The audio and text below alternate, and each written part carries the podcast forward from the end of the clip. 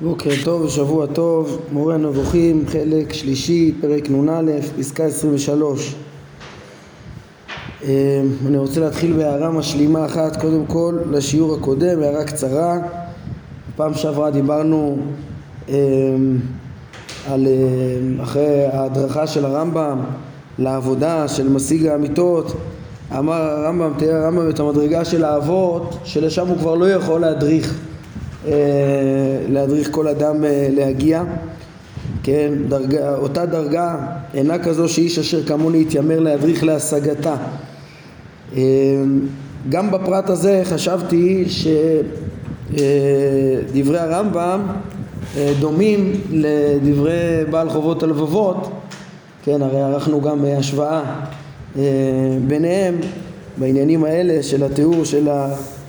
עבודת השם השלמה, של אהבת השם השלמה, אז אה, נקודה נוספת אולי שאני רוצה לשים עליה את האצבע זה אה, שכמו שאהבת השם, אה, כמו שבעל חובת הלבבות בשאר אהבת השם אמר שהאהבה הכי, במדרגה הכי עליונה היא לא ביכולת אדם, כן? אלא היא איזה מין עניין שתחילתו עבודה, אדם עובד את כל שערי הספר וסופו מתנה להגיע למצב של, שם הוא מדגיש אמנם שהנקודה היא למסור את הנפש, אפילו למסור את הנפש, זה משהו ש... שצריך גם מתנה של להגיע לכזה כלות הנפש וזה זה כבר לא משהו שאפשר להדריך אליו אלא מקבלים אותו מלמעלה. זה uh, קרוב לדברי הרמב"ם שהוא מתאר שהמדרגה העליונה הוא כבר לא יכול להדריך אליה, כבר לא ביכולתו להדריך אליה עוד השוואה קטנה שכל פעם, עם, כל אחד עם הדגשים שלו. אה, אבל אחרי שאנחנו ראינו כבר כמה וכמה עניינים דומים זה נראה ממש חזק כל העניין הזה של ההשוואה הזאת שהרמב"ם אה, לקח משם את הדברים ופרשם מחדש על פי דרכו. אמ, טוב נחזור אלינו. אני רק מזכיר המבנה של הפרק אנחנו מגיעים לשלב השלישי שלו כרגע הרמב"ם בא לדבר על אה, העבודה של משיג האמיתות, כן? אחרי שהוא השיג את האמיתות. מה העבודה שלו, או במילים אחרות, האדם שכבר יודע את השם, כן, מתוך כל המורה, אה, אה, עד כאן, שלימדנו כבר איך כולו דעת השם, כל מה שהוא לימד גם על כללות המציאות זה כדי להכיר את ההנהגה האלוהית, להגיד, להכיר את מציאות השם, לייחדו, ולאוהבו אה, ולהכיר את אה, דרכיו אז אה, אחרי שהוא יודע את השם, מהי עבודת השם לאחר ידיעת השם שזה קריטי קודם כל לדעת ואז לאהוב ולהתמיד ולדבוק, להתרכז בידיעה הזאת שזה העניין של העבודה. זה היה הגדרת העבודה, שלושה שלבים יש בפרק, הגדרת העבודה של משיג האמיתות העבודה המיוחדת למשיג האמיתות, השלב השני זה היה ההדרכה אליה, כן, שכללה בסוף גם תיאור המדרגה שכבר אי אפשר להדריך עליה, כן, אומר רמב"ם איש אשר כמוני, והשלב האחרון, הרמב"ם אמר לנו שהוא רוצה גם לתאר את ההשגחה על אה, העובד הזה, משיג האמיתות, בעולם הזה ועד שיגיע לצרור החיים. התיאור הזה של תיאור ההשגחה עליו ועד אה, אה, סוף הפרק זה מה שעומד אה, לפנינו, כן, השגחה עליו בעולם הזה ועד שיגיע לצרור חיים ותישאר נפשו לנצח וכולי. אמ, רק אמ, עוד, אה, כן, הערה קטנה זה ששני השלבים האחרונים של ההדרכה וההשגחה קדמה להם הערה וכבר דיברנו עליה, כן, הערה שבה הרמב"ם אה, האיר את תשומת ליבנו לנושא העמוק הזה של הקשר לקדוש ברוך הוא דרך השכל. אנחנו מתקשרים עמו והוא מתקשר עמנו וגם ההיבט של התפקיד של המצוות לרכז אותנו בקשר הזה כל הזמן כן? ואני הערתי שלדעתי יש לתחום את ההערה הזאת פסקאות 16 אה, אה, ו-17 בלבד כי אחר כך הרמב"ם חוזר להדרכה ולתיאור ההשגחה זה בעצם גוף הפרק עצמו מה שרציתי להוסיף בפרט הזה על ההערה זה שיש עוד הערה אחת במורה, אה, אם אני, כן, אמרתי לכם ש, ש, שזה כמו הקדמה כזאת, כן, ההבדל בין הקדמה, סתם הקדמה, שזה הכנה למה שאחר כך להערה, זה שפה הרמב"ם צריך לעורר אותנו לנקודה עמוקה. אה, ככה אני אה, מבין גם מהעניין פה וגם מהמקום הנוסף שיש לנו את ההערה הזאת, שזה, שיש לנו סגנון כזה, זה נמצא ממש ביטוי כזה, הערה בחלק ראשון בפרק ע"ג כשהוא מדבר על הנחות המדברים ושולל אותם אה, אז בסוף עניין ההנחה העשירית של כל מדומה אפשר, שהיא מאוד מאוד יסודית ועמוקה, הרמב"ם, הרמב"ם מנצל שם בסוף הערה לעורר אותנו על, ה, על העומק שבוויכוח בין הפילוסוף לבין המדברים בנושא של כן, ההבדל בין שכל לדמיון ו, וכמה קשה להכריע בשאלה הזאת, לפעמים אה, להגדיר את גבולות השכל, גבולות הנמנעות, גבולות האפשריות, אז היה שם איזה הערה כזאת. גם משם אפשר ללמוד, זה נושא עמוק, נושא עמוק שאחר כך דנו בו גם חלק שלנו פרק ט"ו וכולי אז זה נושא עמוק, אבל שוב, שוב אני מסכם שבעניין ההערה לפני שני השלבים האחרונים של המאמר אני אה, נוטה להחזיק בדעתי שהיא תחומה ככה איזו הערה קצרה, גם שם היא לא כל כך ארוכה והיא לא כל הפרק אה, ומכאן ניגש לעניין שלנו היום אה, לדבר יותר, על, כן, מכאן על עניין ההשגחה על משיג האמיתות.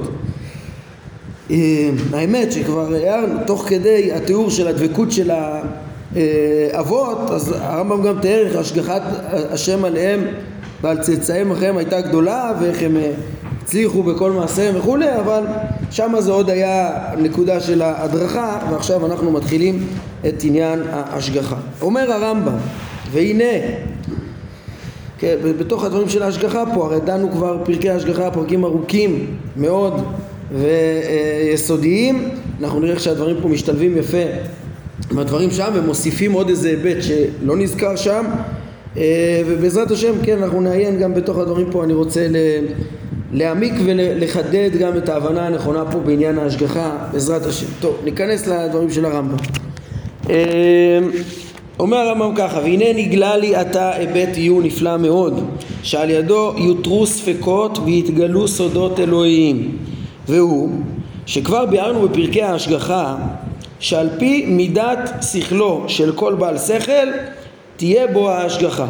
כן, הרמב"ם לימד אותנו את הקריטריון הזה, החל מסוף פרק י"ז שהוא לימד אותנו שההשגחה על פי התורה היא דווקא על המין, המין האנושי שיש לו שכל ויש לו בחירה ופרק י"ח הוא ממש לימד איך שמידת ההשגחה לפי, היא לפי השכל.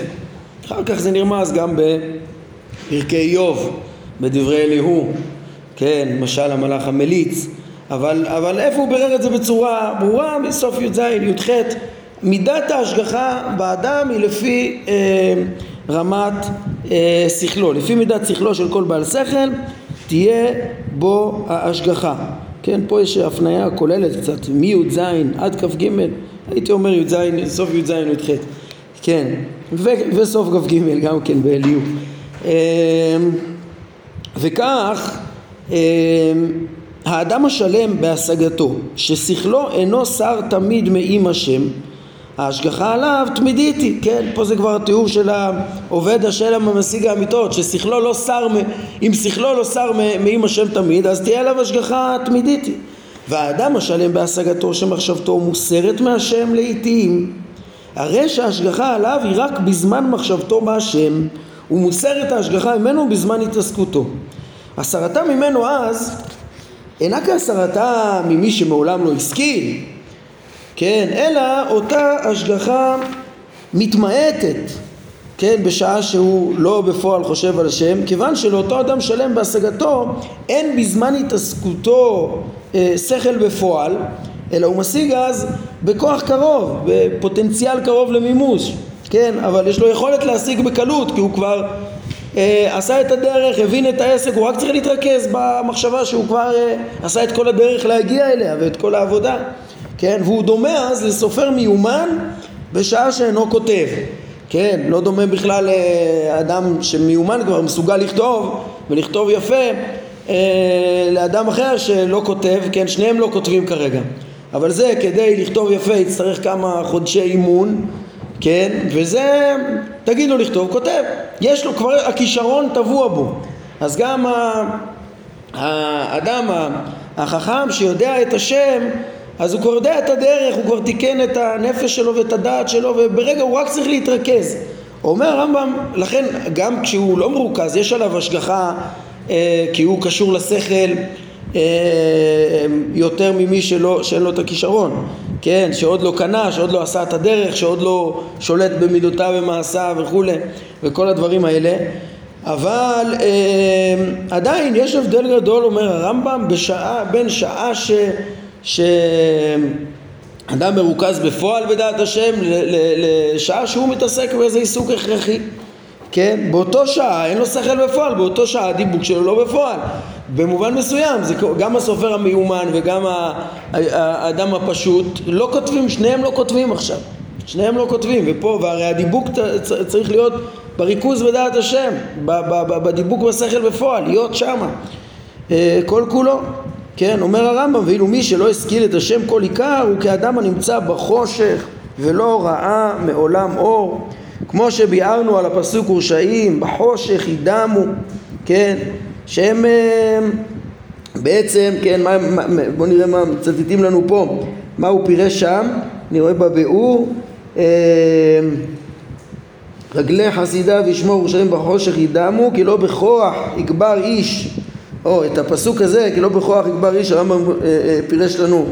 הנה כן זה בסוף פרק י"ח אצלנו, שהוא לימד, לימד מזה את יסוד ההשגחה, שזה לא, ההשגחה האלוהית היא לא לפי הכוחות הפיזיים שלו, היא, כן, התנצלותם של חלק מבני האדם מן הצרות והיפגעותם של אחרים מהן אינם בהתאם לכוחותיהם הגופניים ונטיותיהם הטבעיות והוא שמע כי לא בכוח יגבר איש כן, הוא דבוק בהשם אז הוא יצליח יותר מכוחות גופו ויכולותיו הרגילות, כן, על הדבר הוא בהתאם לשלמות ולחסרון, כלומר קרבתם הוא רחוקה ממנו, לכן הקרובים אליו מוגנים יותר, רגלי חסידיו ישמור, ואילו החוקים ממנו מופקרים ליד המקרה, ואין מה שומר עליהם ממה שאירע להם כהולך בחושך שאובדנו מובטח, כן, והמשל הזה של אור וחושך זה לא פעם ראשונה שאנחנו פוגשים אותו ועוד נראה אותו גם בהמשך באורך נראה אור, זה המשל של השכל, של המציאות, של ה... כן, ראינו אה, כן, פרק ט', הקדוש ברוך הוא נאמר עליו נאורה ימש רע, כן, ולעומת זאת נאמר שסביביו אה, חושך, ענן וערפל, כן, ענן וערפל סביביו, ככל ש... כן, הוא מחויב המציאות וככל שמתרחקים ממנו אה, ויורדים בדירוג המציאות עד החומר, הפחות, אז בעצם אה, מתרחקים מהאור לחשיכה, מהמציאות החזקה למציאות החלשה, החולפת וכולי. אה, גם משל הברקים הוא אותו עניין, כן? האור מסמל את ההשגה השכלית ואת המציאות החזקה אה, וכולי, והרשעים שכל כך רחוקים מה, מהטוב, מהתיקון, מהדעת, מה, מה, מהשכל, הם בעצם רחוקים מדבקות בהשם ומהמציאות החזקה והם הולכים בחושך, כן? אז uh, מי שלא השיג, אז, אז, אז בעצם הוא מתאר את, ה, את האדם החכם השלם בשעה שהשיח את דעתו הוא לא לגמרי עם השם בפועל אבל ברגע הוא יכול להתקשר אליו. לעומת מי שלא השיג בכלל הוא, הוא לגמרי הולך בחושך. זה, זה בעצם מקביל למשל הארמון שבתחילת הפרק שלנו ולמשל הברקים וכולי שיש מדרגות מדרגות בקרבה אל השם והכל תלוי במדרגת ההשגה. ומי שהשיג והוא מתקדם כל כולו למושכלו הוא כמי שנמצא באור השמש הבהיר.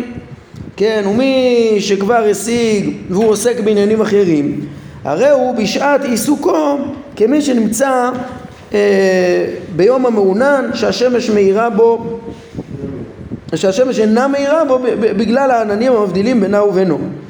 כן, קיצור מדרגות מדרגות. התיאור של יום המעונן אה, כן, ומדרגות באור הזכרנו את זה אה, גם אה, כבר בטח בהקדמה שהמשל מעין זה נמצא גם בספר הכוזרי במאמר רביעי נראה לי בסעיף ט"ו שכן מדרגות מדרגות בהשגת השם שם הוא על פי שיטתו זה מדרגות מדרגות בנבואה ולא מדובר דווקא בכוח השכלי אלא במדרגות של, של השגה נבואית אבל אם אני לא טועה יש שם גם תיאור של היום המעונן כמדרגת ביניים כן, אה, אבל הרמב"ם, כן, על פי דרכו זה מדרגות בהשגה השכלית והנקודה החשובה והחידוש שיוצא לנו פה שממנו, באמצעותו, כמו שאמר הרמב"ם בתחילת הפסקה, הוא יתיר ספקות רבים, כן, זה ההבנה שיש הבדל גם אצל השלמים בין שעה שהם עוסקים לש... בדעת השם לשעה שהם עוסקים בענייני העולם הזה ועיסוקים הכרחיים ומסיחים את הדעת מאת השם כן, שזה ראינו שאצל רוב אפילו, כן, רוב החכמים ואפילו הנביאים, רוב הנביאים זה הכרחי הדבר הזה, שיהיה שעות תסח הדעת האלו שהם, כשהם עוסקים ב, ב, ב, בעולם הזה וצורכי גופם וכדומה, אז הם לא יהיו בעצם בשיא הריכוז אה, בדעת השם באותה שעה, כן? לא כולם מדרגת אה, משה רבנו ואבות וכולי. אז אה, יש דבר כזה, ובשעה הזאת אין אותו מדרגה של השגחה. אז מה, מה אנחנו מרוויחים כל כך מהדיוק הזה, מה, מההבחנה שמתחדשת בפרק שלנו ומתחדדת בפרק שלנו, שלא מספיק לדעת את השם, אלא צריך שתהיה מודעות מתמדת כזאת, אה, ובאותו שעה שיש צריך לדעת אז גם יהיה פחות השגחה. אומר הרמב"ם, הנה תירוץ, תירוץ, על כן נראה לי, אומר הרמב"ם, שכל אחד מהנביאים ומאנשי המעלה השלמים שפגע בו רעה מרעות העולם הזה, לא מצא אותו תורה זו אלא בזמן אותו היסח הדעת. וגודל הצרה הוא בהתאם למשך אותו היסח הדעת או פחיתות הדבר שהתעסק בו. כן, אומר הרמב"ם, אה, כן, זה, זה, זה, זה הרי בעצם אה, התקשו בזה מאוד מאוד, כן, כמו שמייד הרמב"ם מבין, איך יכול, אני אומר, איך יכול להיות שנביאים אה, נפגעו? אם אתה אומר שהמדרגה, כן, שבן אדם צריך להיות מושגח ומוגן לפי רמת שכלו, אז איך זה שהנביאים שהם גדולי המשיגים, גדולי היודעים, הם אה, נפגעו? אה, אומר הרמב"ם, כן, נכון, יש, היו אפילו פגעים קשים, אה, זרקו את ירמיהו לבור וכולי, וכמה איסורים אה, מתארים הנביאים שהם סובלים, אפילו שהם נביאים, אומר הרמב"ם, כן, זה היה רק בשעת היסח הדעת, כן, האבות הצליחו. ורק בשעת היסח הדעת אפשר, כן, תיאורטית בעיקרון גם לעבוד היה קצת היסח הדעת, כן, כמו שחז"ל אומרים על אה, יעקב למשל, ש, שכן, ותחי רוח יעקב אביהם, ש, שלא כל הזמן שהיה בצער על יוסף, לא, לא, לא שרתה עליו שכינה וכולי אבל בעיקרון המדרגה של האבות שהייתה הרבה מהזמן בחייהם, אותה שהרמב"ם תיאר, אצלם באמת, כן, הוא תיאר מצב כזה ממושך שאין להם היסח הדעת וגם בחומריות אין להם היסח הדעת וכולי. היה להם את המדרגה הזאת, כן? אבל אה, בקיצור, מה שהנביאים יכלו להיפגע ובהתאם לרמה של ההיסח הדעת, ככה גם ההשגחה ממילא פחות וקה בהם, ואז אפשר להבין ש... ש, ש הייתה אפשרות שהם ייפגעו למרות, כן, זה לא יהיה קושייה על ההשגחה, זה היה הגיוני לפי אה, מצבם והיסח הדעת מן הדבקות. כן, אומר הרמב"ם, מאחר שהעניין כך הוא, כבר הותר הספק הגדול שהביא את הפילוסופים לשלול את ההשגחה האלוהית מכל פרט מבני אדם ולהשוות בינם ובין פרטי שאר מיני בעלי חיים.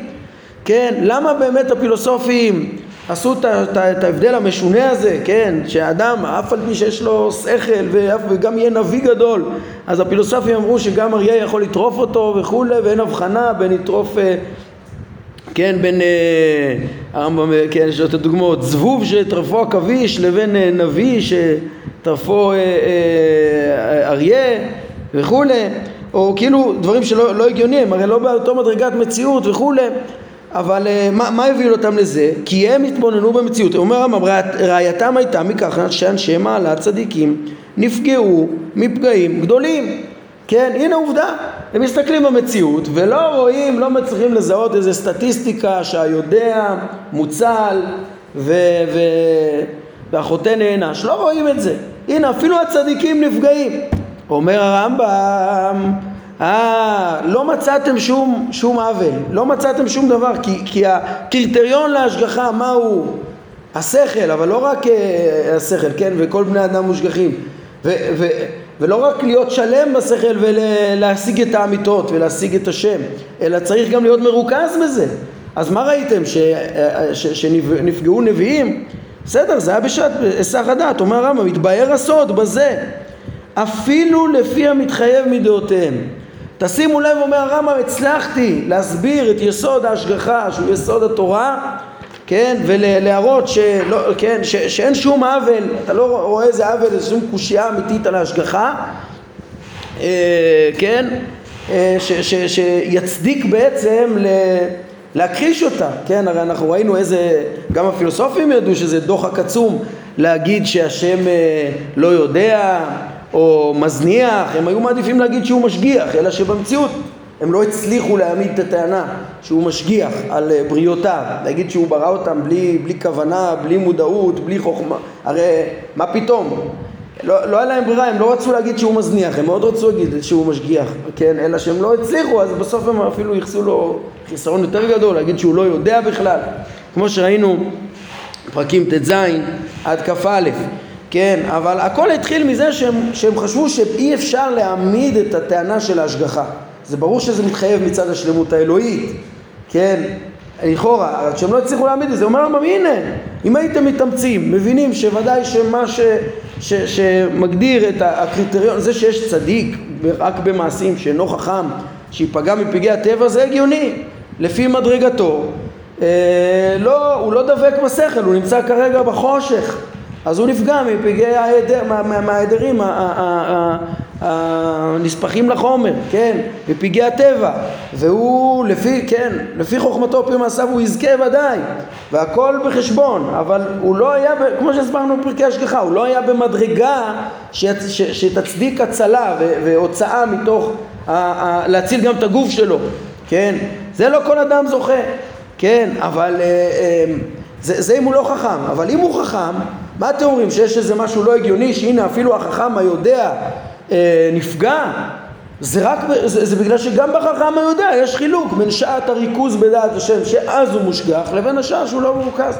זהו, אומר הרמב"ם ככה, אפילו לפי התפיסה הפילוסופית ההכרה הטהורה אפשר להעמיד אה, את תפיסת ההשגחה הצודקת ואין שום הצדקה להתכחש אליה. כן. למה? כי כל בן אדם בסוף הוא לא יכול להיות בריכוז מתמיד בהשגת השם. נכון. נכון. אז בסוף לא, אין התחשבות בהשגה שלו. הוא השיג את השם. יש התחשבות, ההתחשבות היא לא תגרום שהוא תמיד יהיה, שהגוף שלו יהיה מוגן. על פי חוכמתו הוא יזכה לעולם הבא, על פי חוכמתו ועל פי מעשיו. זה לא מחייב ש, ש, שהוא יהיה מוגן פה בעולם הזה, מה לעשות? כי הוא לא דבק, מה לעשות? הוא, הוא, החומר שלו הוא פגיע בטבעו. אם הוא יהיה כל כולו דבוק ב, ב, בשכל, במציאות הנצחית, הוא יהיה מוגן. זה ההסבר הפילוסופי בעצם. אם הוא לא דבק, לפי אותו מידה שהוא לא דבק, הוא יכול להיפגע. ככל שהוא, לפי מידה שהוא דבק, הוא מוגן. כן. צריך לשים לב, זה, זה לא ש... הרמב"ם לא טוען שהוא מוכיח את הטענה של ההשגחה, כן? הוא בסך הכל טוען שאין קושייה עליה. כן, הרמב"ם גם אמר מראש שכל העניינים האלה של דת של השגחתו וכדומה זה לא עניינים מוכחים, זה עניינים שאנחנו מאמינים בהם מפני אה, עדות הנבואה ומפני ההתגלות והניסים והמסורת וה, והדת וגם על פי השכל הם דברים מסתברים יותר הפילוסופים נפלו פה בדחקים עצומים ומדברים אה, סרה על השם, מתפרצים אליו בצורה חצופה ונוראית שהם נכנסו לדחקים עצומים בלי הכרח. מה שהרמב"ם מראה פה זה שאין הכרח, כן? אין הכרח, אפשר להעמיד את יסוד התורה גם בהבנה אה, אה, פילוסופית ולהבין שככל שאדם דבק ומושגח ואלה שנפגעו זה בשעת צריך לדעת מה הבעיה, כן? אה, כן, ואומר הרמב"ם, ותהיה השגחת השם מתעלה תמידית על מי שזכה באותו השפע המצוי לכל מי שמשתדל לזכות בו. יש השגחה מוחלטת, מוגנת, כן, השאלה הקשה, צדיק ורע לו, רשע וטוב לו. זו השאלה שהם לא ראו. אז הוא אומר, כן, אם אתה תבין מי הוא הצדיק, מי הוא הצדיק היודע את השם, כמו שאנחנו נראה אה, אה, בהמשך הפרק שלנו, כן, שעליו נאמר, הסגבהו כי ידע שמי, כי בי חשק ואפלתהו, כן, הסגבהו כי ידע שמי, מי שיודע את השם וחושק בו תמיד, כן, אז, אז הוא מוגן, הוא ניצל מכל הפגעים כולם. אה, וממילא מישהו באמת צדיק בעצם, טוב לו. כן, מישהו במדרגה פחותה נמצא פה בתוך החומר הזה עם ההדרים שבו ו... אז, אז הוא יזכה לפי מעלתו, על פי חוכמתו, על פי מעשיו, אבל על פי מקומו הוא גם, אה, איך אה, איוב אמר בסוף, על כן אמאס וניחמתי על עפר ואפר, וראינו בפרק כ"ג איך שהרמב"ם רמז שהוא הבין את היותו, אחרי דברי אליהו, הוא מבין את היותו בתוך חומר של עפר ואפר שהוא מתכלה, כן, מתהווה ומתכלה וכולי, ולפי המדרגה שלו יכול להיפגע. כן, אז יש פה איזה, אה, זה ממשיך את כל הכיוון של פרקי ההשגחה ומוסיף עליהם את ההבחנה הזאת בין ההשגחה בשעה שאדם משיג ולפי המדרגה, בתוך האדם עצמו יש הבדל בין שעותיו ובין העניין של הריכוז שלו, שזה הנקודה שמתחדשת בפרק שלנו. אה, אני רוצה להעיר פה עוד הערה שאני צריך להרחיב בזה יותר, כן? כשהרמב"ם אומר, תשימו לב, הרמב"ם אומר, אני פה מסביר את הסוד ומעמיד את ההשגחה אפילו לפי המתחייב מדעותיהם. אפשר לדייק פה, כן, שהרמב"ם, אה, כן, אפשר להעמיד את ההשגחה גם לא לפי המתחייב מדעותיהם, כן? אפשר, אפשר, כן, למשל, ניסים, הם, אה, אה, הפילוסופים התכחשו לזה, אין דבר כזה ניסים, לדעתם, חלילה, כן? לדעתם אין ניסים, והרמב"ם לימד אותנו בחלק שני בהרחבה, התווכח איתם על חידוש העולם, ולימד שהעולם הזה הוא לא קדמון ולא, והטבע בו הוא לא הכרחי, אלא יכולים להיות גם ניסים. אם יכולים להיות ניסים, ברור שיכולה להיות השגחה, וזה פשוט. אלא פה הוא נותן הסבר שאפשר ל, ל, ל, להבין את ההשגחה אפילו בלי שום נס. אפילו בצורה טבעית לגמרי. אפילו, אפשר לומר פה, אפילו על צד הקדמות. כן? כן, אבל למה חשוב לי להדגיש את הדבר הזה? חשוב לי להדגיש את זה ש... ש כי, כי מיד אנחנו, אנחנו צריכים לדבר על זה, להרחיב על זה, שיש כאלה שתפסו את ההשגחה בעקבות אה, אה, הדברים האלה שפה, התיאור הזה, ש, ש, שההשגחה היא כאילו לפי מה שאדם דבק בבורא, אז הוא דבק, ואז הוא מוגן, לא יהיה דבק, יסיח את הדעת, לא יהיה מוגן. כאילו כל מה שתלוי אם יש השגחה או אין השגחה זה תלוי רק באדם ולא בבורא. ו... ורק, הוא... ורק כשהוא ידבוק הוא יהיה מוגן, גם הסיקו מזה כאילו ההשגחה של הבורא היא רק הגנה ורק לטוב. ואין דבר כזה שהבורא יעניש. כל מיני דברים כאלה. התפיסות האלה הם, הם בעיניי הן לא נכונות, אני צריך להרחיב בזה קצת יותר, והאמת שכבר דיברנו בזה לא מעט גם בפרקי ההשגחה, כן? כי הרמב"ם מתאר את ההשגחה בצורה פשוטה, הקדוש ברוך הוא משגיח אה, כל דרכיו משפט והוא נותן לאיש כדרכיו ולפני רגע ראינו בפרק נ' את העניין של סדום והמבול ואיך שזה מיסודי התורה והניסים מלמדים על זה שיש כן, והמן על ההשגחה האלוהית שהיא למי שעובד את השם, מי שמתמסר אל השם ומי ש... כן, אך אה, פרי לצדיק, אך יש אלוהים שופטים בארץ, כן, אך יש אלוהים שופטים בארץ, כמו שהרמב"ם אומר, זה מיסודות הדת, שהוא מחנך אליהם תמיד, וגם פה במורה, גם בפרקי ההשגחה. כן, למה אני מדבר על זה אבל עכשיו? כי אני אומר, תשימו לב, כי הרמב"ם באמת אומר פה אה, אה, הסברה שיכולה להיות אה, הסברה שמעמידה את ההשגחה על האדם אפילו לדעת הפילוסופים, אבל הוא מציין, זה אפילו לדעתם, אבל לא משהו שהוא חייב להסביר דווקא כמו דעתם, הוא הרי חלק עליהם בכל מיני דברים, וזה מאוד מאוד חשוב לשים לב להבחנה הזאת, הרמב"ם זה לא ההסברה, זה לא המנגנון היחיד של ההשגחה שיש אצלו, ואנחנו עוד, מעט נשתדל לסכם את זה, איך יש לו מנגנונים בביאור, במורה, שרואים שהוא לא עובד דווקא עם המנגנון הזה של אדם יתעלה וידבוק ויהיה מוגן וזהו וכאילו זה רק האדם. לא הבורא מגלגל פה דברים הבורא אה, אה, מתקן את, אה, מגלגל ניסיונות ומתקן את אה, ישראל ומשגיח עליהם גם כשהם לא חכמים וגם כשהם לא נביאים וגם כשהם לא דבקים כל הזמן לא רק על משה ועל האבות וכולי ויש דברים שהוא מגלגל פה במציאות ומשנה את המציאות גם לא רק דרך השכל של האדם ולא רק הגנה יש אצלו, יש אצלו גם ענישה, כמו שראינו בדור המבול ומגדל בבל ו...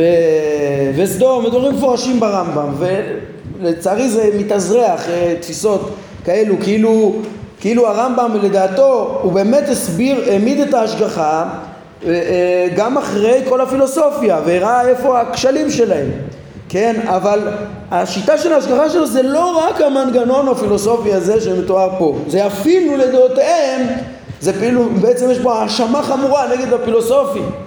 איך אתם הכחשתם את ההשגחה בעוד היה אפשר להסביר את ההשגחה אפילו לשיטתכם לגמרי, כן, ההשגחה עומדת, אפילו, אפילו לשיטתכם אפשר להסביר אותה לגמרי, כן? אבל, אבל אנחנו לא מסבירים, לא מחויבים לכל שיטותיכם, אנחנו לא מחויבים לקדמות, כבר, כבר שללנו אותה לגמרי ב, ב, ב, בחלק שני, ועוד אפשר להסביר גם, אה, אפשר להגיד גם יותר מזה, שכן, הרי הרמב"ם מתאמץ בפרקי השגחה באמת להסביר כמה שאפשר את ההשגחה לפי הפילוסופיה גם, לפי החוכמה, לפי המציאות, לראות שזה, להסביר את זה במנגנונים. לכן אני רוצה לטעון פשוט שפה יש מנגנון אחד ויש לרמב"ם אבל עוד מנגנונים, אני אתאר אותם בעזרת השם בהמשך, עוד מנגנון שהוא מאפשר גם אה, לקדוש ברוך הוא, אה, אה, כן, זה חשוב, כאילו, הבורא יכול לעשות ניסים, יכול לעשות מה שהוא רוצה, כן, לפי הרמב"ם, אבל, אבל הוא לא עושה את זה סתם, הוא, הוא פועל רק בצורה חכמה, רק בצורה, באופן נדיר רק הוא עושה ניסים, רק אם יש הכרח, כן, וגם זה לתועלת, לדורות ובחוכמה גדולה וכולי. הוא לא ישנה את הטבע סתם, אלא בתוך הטבע יש לו מנגנון של השגחה שהוא מין סדר אה, חוץ מזה שמתואר פה, זה, זה הטענה שאני רוצה לומר, לא רק דרך השכל. אז בואו נתקדם עוד קצת ואחר אה, אה, כך נרחיב בזה.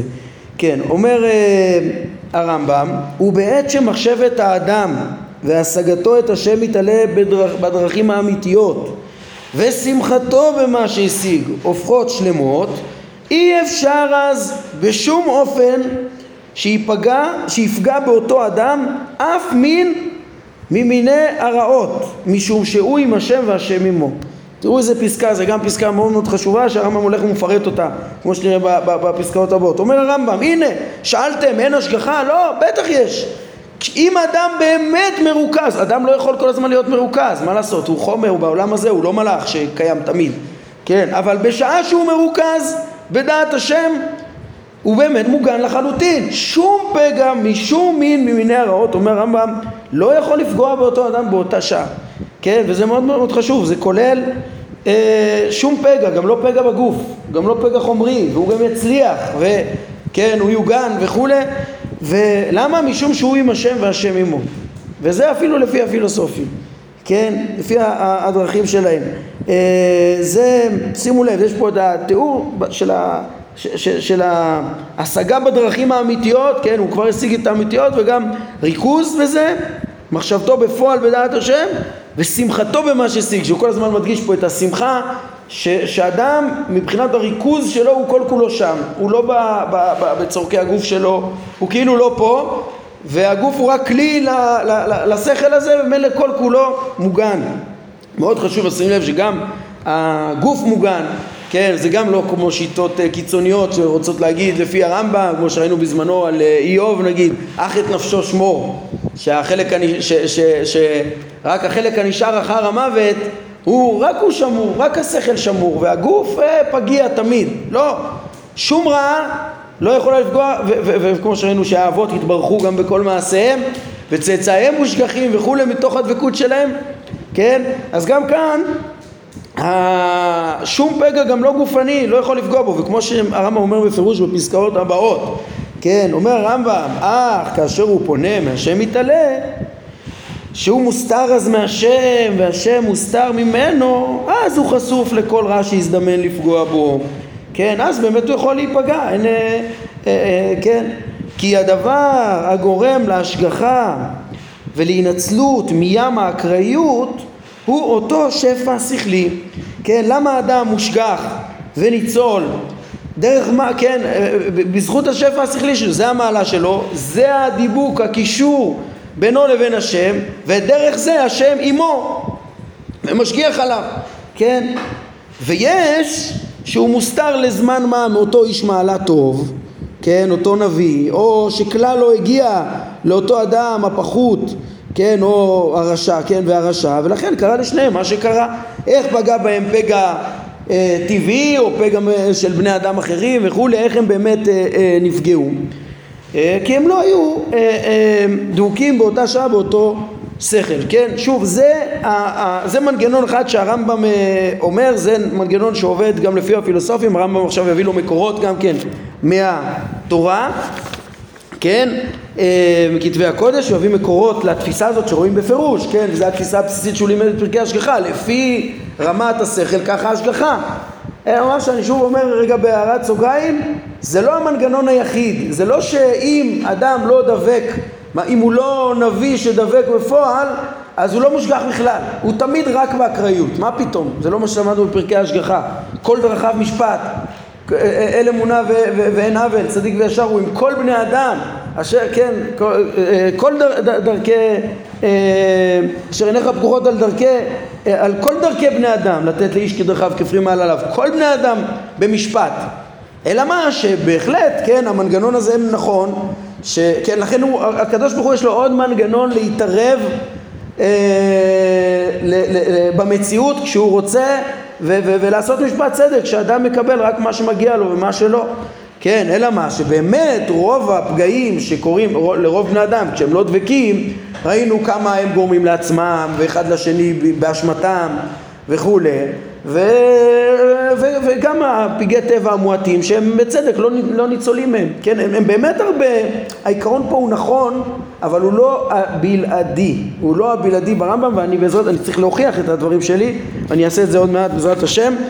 אמ, אולי מה שנעשה עכשיו רק נקרא את הראיות של הרמב"ם הוא מוצא את, ה, את החידוש העצום הזה שההשגחה תלויה בדעת.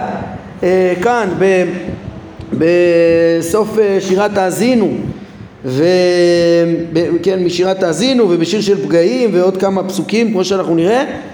אה, נראה את המקורות של הרמב"ם להשגחה הזאת ובעזרת השם בפעם הבאה אני ארחיב להסביר גם את המנגנון הנוסף אה, ש, של ההשגחה ש, שיש חוץ מהמנגנון הזה לטענתי ויוכיח אותו מהמורה ומחוץ למורה. אה, בעזרת השם ואחר כך נסיים את, ה, את הפרק שכבר יביא אותנו גם לתיאור של מההשגחה בעולם הזה להישארות הנפש, הלך לפניך צדקך וכבוד השם יאספך וכולי והתיאורים המופלאים של מיטות הנשיקה וכולי שבסוף הפרק. אבל בואו נראה רק את הראיות האלה בזריזות. אומר הרמב"ם, תדע לך, כן האמנה זו התבררה לי גם מלשון התורה. הנקודה הזאת שההשגחה תלויה בדעת השם של האדם מפורשת בתורה.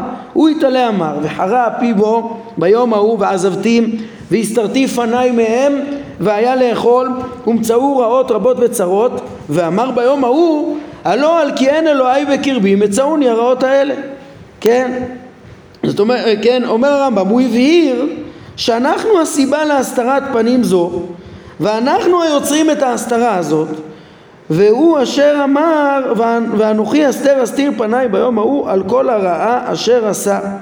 מה הרמב"ם אומר פה? כן הרמב"ם אומר פה בעצם כשהקדוש ברוך הוא אומר מה, מה, מה, איך תבוא הגלות? הקדוש ברוך הוא יסתיר אה, פניו כן? אנחנו, אנחנו חטאנו. הגלות הרי מגיעה בגלל חטאינו וכולי. ו...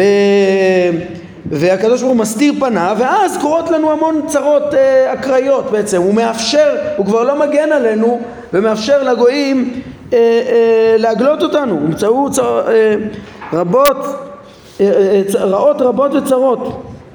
כן אה, כן אז, אז, אז, אז הרמב"ם אה, אומר ומה? והדגש הוא על, למה באמת אנחנו למה יכולות לפגוע בנו הצרות האלה ואמר ביום ההוא, הלא על כי אין אלוהי בקרבי מצאוני הרעות האלה. כן? זה בגלל שהשם לא בקרבנו. אם היה בקרבנו, אז היינו מוגנים. כן? זה מפורש. הקדוש ברוך הוא מסתיר פניו מאיתנו. אנחנו, האלוהים לא בקרבנו והוא מסתיר פניו ממנו. אנחנו, אין פה את הדבקות ולכן יש את, את, את הצרות. מוסיף הרמב"ם ואומר, הרי, אה, אה, ואין ספק שדין היחיד כדין הציבור, כן? מה זה ההערה הזאת שאין ספק כדין היחיד, אה, אה, שדין היחיד כדין הציבור, הרי הפסוקים מדברים על הציבור כולו, ואומר הרמב"ם וברור שהוא הדין בכל יחיד ויחיד, כן? שהרי ההשגחה היא על כל יחיד ויחיד, וזה אין ספק, כמו שנאמר בפרק י"ח בחלק שלנו, הרמב"ם אה, תיאר שהרי ההשגחה אין בציבור אלא את הפרטים, את ה, הציבור הוא לא ישות קיימת בפני עצמה אומר הרמב"ם, אלא, אלא הוא, הוא סך הפרטים שלו, כל, כל, כשהקדוש ברוך הוא משגיח על, על, על הציבור זה בעצם, הוא משגיח על השכל שבו ובו ובו ובו, כל אחד אה, אה, באופן מפורט, ממילא אם מדובר על השגחה על הציבור זה בעצם השגחה על כל הפרטים שבו כן, ממילא זה, זה, זה, זה, הוא הדין בכל אה, יחיד. אומר הרמב"ם, הרי התברר לך שהסיבה להיותו של אחד מבני אדם מופקר לאקראיות והיותו נתון לאכול כבהמות, כן, הוא יכול להיפגע אה, אה, אה, כבהמות, מה, מה הסיבה לזה? הוא יסתרו מהשם, אך כאשר אלוהיו בקרבו, אם אלוהיו בקרבו, מה זה אלוהיו בקרבו? שהוא דבק שכלית ב, ב, ב, בדעת השם, בשפע השכלי השופע מאת השם, אז אין פוגע בו, רק כלל. הוא יתעלה אמר, עוד פסוקים שמחזקים את זה, כן? מישעיהו, אל תירא כי עמך אני, צריך לומר, כן?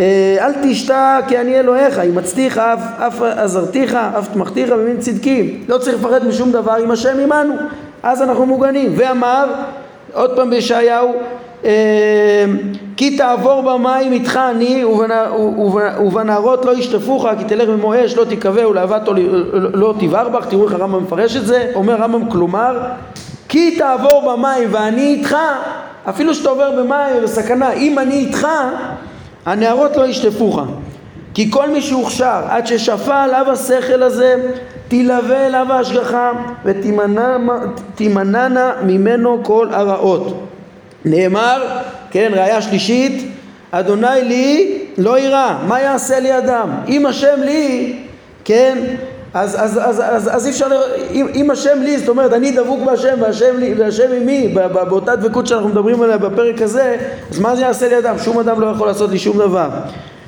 אה, ונאמר, אז כן נא עמו ושלם, כלומר פנה אליו ויהיה לך שלום מכל רע. כן, אם אתה דבוק בו אתה מוגן. ויש פה תיאור מופלא של הרמב"ם, הנה תראו, התבונן בשיר של פגעים, של אותו עניין, תהילים צדי א', כן? ותמצא שהוא מתאר את אותה השגחה גדולה ואת השמירה וההגנה מכל הפגעים הגופניים, הן הכלליים, הן המיוחדים לאדם מסוים דווקא. כן, גם אלה ש, ש, שפוגעים במדינה אה, אה, כוללת, אזור שלם וכולי, גם כן, או טבע, פגעי טבע כלליים, לא רק לבני אדם, וגם אלה שלבני אדם, הן אלה הנובעים מטבע המציאות, הן אלה הנגרמים מנכלי בני אדם, וכבר בפרק אה, י"ב למעלה בחלק שלנו הרמב"ם פירט את סוגי הפגעים שאדם גורם לעצמו, שבני אדם גורמים אחד לשני, ופגעים מטבע המציאות, ולכולם הוא התייחס, ואומר הרמב"ם, אדם יכול להינצל מכולם. תראו במה זה תלוי, אדם שיהיה עם השם יהיה שמירה והגנה מכל סוגי הפגעים כולם, הטבעיים, הוא יכול לצאת מה, מה, מה, מהעולם הזה ולהיות מוגן, כן? הנה, הוא אמר, כתוב כי הוא יצילך מפח יכוש, מדבר אבות, בעברתו יסך לך, ותחת כנפיו תחסה כן, אה, צינה וסוחרה עמיתו, כן, העברתו, תחת כנפיו, כבר דיברנו על זה בחלק ראשון, כן, פה זה מטאפורה, כמובן, פשיטה, שכאילו הקדוש ברוך הוא יגן עלינו, כן, ברור שאין לו כנפיים אה, אה, שבהם הוא, הוא לא מדובר בהגנה פיזית עם כנפיים, אלא, אלא יש פה מטאפורה ברורה, כן, שהכוונה רק להגנתו, שהוא, שהוא יגן עלינו, כן, לא תירא מפחד לילה, מחץ יעוף יומם, מדבר באופל יהלוך, מכתב ישוד צהריים. כל הפגעים השונים שיכולים להיות בלילה, או חיצים, או מבני אדם, אה, או מדבר, כל מיני פגעים טבעיים, מכתב ישוד צהריים, זה גם כן, אה, כן, כמובן שהרמב"ם לא מפרש את זה שזה שד של צהריים, כמו שאנשים מדמיינים את השדים, שהוא, כמו שאמרנו בפרק מ"ו, שבעיניו זה דמיונות, אלא זה מחלות, כן, כמו שפשטנים פה אה, פירשו את זה, כן, מגפה ממיטה בצהריים וכולי, פגעי טבע שונים שאותם תיארו חכמים לפי הרמב"ם הרבה פעמים בשביל ההמון כאילו כשדים בעצם אה, שיש סיבות טבעיות אה, לקלקולי החומר וכדומה בעניין הזה, כן? אז הוא מתאר את כל הפגעים הטבעיים האלה ואז הגיע לתיאור ההגנה גם מנכלי בני אדם, לא רק מהתיאורים כן, המקר... הטבעיים האלה, אלא גם מכלי בני אדם. מכל אלה היודע את השם יהיה שמור, כן, ואמר, אתה, אם יזדמן לך לעבור בשדה קרב נרחב כשאתה בדרך, אה, כן, האלף שיפול מצדך אלף ורבבה ממיניך, אליך לא ייגש, כן, כמובן גם לפי הרמב"ם פשיטה שזה לא שדים או לא יודע מה, או מזיקים אה, מדומיינים, אלא כמו שהרמב"ם מתאר, מדובר בשדה קרב שאלפים אה, אה, נלחמים כרגע וזה, ולהיות באזור שם זה סכנת נפשות אה, עצומה, כן, אתה אם יזדמן לך לעבור בשדה קרב נרחב כשאתה בדרכך, אפילו ייהרג אלף משמאלך ועשרת אלפים מימיניך, לא יפגע בך רק כלל, אלא תביט ותראה בעיניך את משפט השם וגמולו לרשעים האלה שנהרגו, כן, זה ושילומת רשעים, תראה, אתה רואה את הגמול, את השילום, שילום הגמול המגיע לכל הרשעים שנהרגים, כן, אה, אה, אין אם זה ממש אה, מגיע להם כעונש אה, אה, ממשיים את השם שהוא מסבב שזה יקרה להם או שזה קורה באקראיות וזה במשפט צדק לפי מדרגתם המרשעת גם ככה וכדומה. אבל כל פנים נהרגים שם אנשים ואין בן אדם שנהרג בלי משפט בלי שזה צודק מעוול חלילה. אבל באופן טבעי כל אחד אמור להיפגע שם. אתה רואה את כולם נהרגים ואתה שלום. והם דבריו יפול מצדך אלף ורבבה ממיניך אליך לא ייגש רק בעיניך תביט ושילומת רשעים תראה. כן. אה, אחר כך המשיך ואמר את מה שאמר על השמירה. כן. ואז נתן את הטעם להגנה הגדולה הזאת כן? למה באמת האדם אה, אה, מוגן? מי זה אותו אחד? למה, למה יהיה מוגן מכל פגעי הטבע וכל נכלי בני אדם? ואמר שהסיבה להשגחה הגדולה הזאת על אדם, כן, וראיתם איך שזה כולל את כל הפגעים כפשוטו ופגעים פיזיים וזה, מה, איך אפשר להגיד שלפי הרמב"ם ההשגחה היא רק בשכל? לא מתחיל אפילו, הנה בהסבר פילוסופי גמור הוא רוצה לטעון גם שזה מתפשט גם לגוף, כן? על כל פנים, הוא אומר, מה הסיבה לזה? להשגחה הגדולה הזאת על אדם זה, היא בדיוק מה שאנחנו לומדים מפורש בפרק הזה. היא כי בי חשק ואפלתהו, שימו לב את החשק, כבר הרמב"ם מסביר לנו אותו, הסגבהו, למה השם מסגב אותו ומציל אותו? כי ידע שמי. וכבר ביארנו, אומר הרמב"ם בפרקים שקדמו, שמשמעות ידיעת השם היא השגתו, כן, כמו שמפנים פה יפה לפרקי התארים, כן, ידיעת השם זה לא לדעת איזה קוד, איזה צופן, כן, זה להבין, הרמב"ם לימד, כל השמות הם, הם, הם, הם, יש להם משמעות, שם הוויה, זה, זה, מלמד על מחויב המציאות באמת, זה, זה משמעות השם, מי שבאמת יודע את השם, כן, הוא גם לימד איך שידיעת שמו זה ידיעת עצמותו, כן, אה, אה, השמות מורים, שם הוויה באופן מיוחד, מורים על עצמותו וכולי, זה לא מילים בעלמא, אז כשאדם יודע את השם, כן, אה, הרמב"ם אומר כבר לימדנו שזה ידיעה ממש, זה השגת השם, זה לא, אה, אה, כן, ושמו זה עצמותו גם כן כמו שאמרנו, פרק ס"ד גם הוא מדגיש את זה ועוד, כן, אז, אז והרי הוא, והרי הוא כאילו אומר, אדם זה זכה להגנה זו, למה? משום שהוא ידע אותי וחשק בי אחר כך. לא מספיק גם רק לדעת את האמיתות, הרי צריך להתרכז בהן, צריך לאהוב את השם, להיות שם, לשמוח בזה, להיות שם כל כולו וכל הריכוז שלו. ידוע לך ההבדל, אומר הרמב"ם, בין אוהב לחושק, גם לא כתוב פה אהב סתם, כן, למה? שאהבה המופלגת, עד שלא תישאר מחשבה על דבר אחר מלבד אותו אהוב היא החשק. זה, זה, זה, זה מה שמדובר פה, שאין מחשבה אחרת אלא בזה, זה שכל הריכוז הוא רק בזה, זה גם uh, סגנון של חובות הלבבות, הוא כל כך מדגיש איך שכל העבודה צריכה להיות רק להשם, רק להשם ולא שום דבר, ולא לשתף באהבה שום דבר. כן, וכל העשייה של הביצות, אפילו בין אדם לחברו, זה כחלק מה, מה, מה, מה, מההזדהות לחלוטין עם הרצון האלוקי ו, ו, ו, ומצוותו, והוא לא אוהב עוד שום דבר חוץ מהשם, הוא חושק בהשם, ואצל הרמב"ם הדגש הוא אה, אה, על ההשגה, ש... והשמחה בהשגה והריכוז בדעת השם אחרי בירור מעמיק, ריכוז באותה הכרה אה, בזמן המתמשך, זה האדם היודע את השם והוא עליו נאמר כי בי חשק ואפלתהו הסגר וגדד השמי והוא הניצול וזה בעצם העיון המופלא שהרמב"ם בעצם לימד אותנו פה שנגלה לו עתה תוך כדי שהוא אה, עוסק בחשיבות של הריכוז בתודעה אז הוא אומר נגלה לי עתה גם כן ההבנה נו איזה, איזה השלכה יש לזה להשגחה ממילא ואיך זה מתרץ את פרקי השגחה בעזרת השם נוסיף עוד אה, אה, דיוק כמו שאמרתי בעזרת השם כבר הארכנו. אז בפעם הבאה אה, נוסיף עוד אה, דיוק בהבנת אה, משנת הרמב"ם בהשגחה בעניין הזה ויש מה לדון גם למה הוא אמר את זה פה. הרמב"ם אומר נגלה לו עתה הפירוש הזה, טוב, אני מאמין לרמב"ם שנגלה לו אתה, אז למה אבל הוא לא יעביר את זה וגם יוסיף את זה בפרקי ההשגחה, הוא ערך את הספר שלו, הוא לא הניח את זה איך שיזדמן. צריך להוסיף פה עוד כמה דברים, בעזרת השם, בפעם הבאה זה יהיה, אה, אה, נוסיף את העיונים האלה עם השלמת הפרק בעזרת השם. טוב, נעמוד כאן להיום. ברוך אדוני לעולם, אמן ואמן.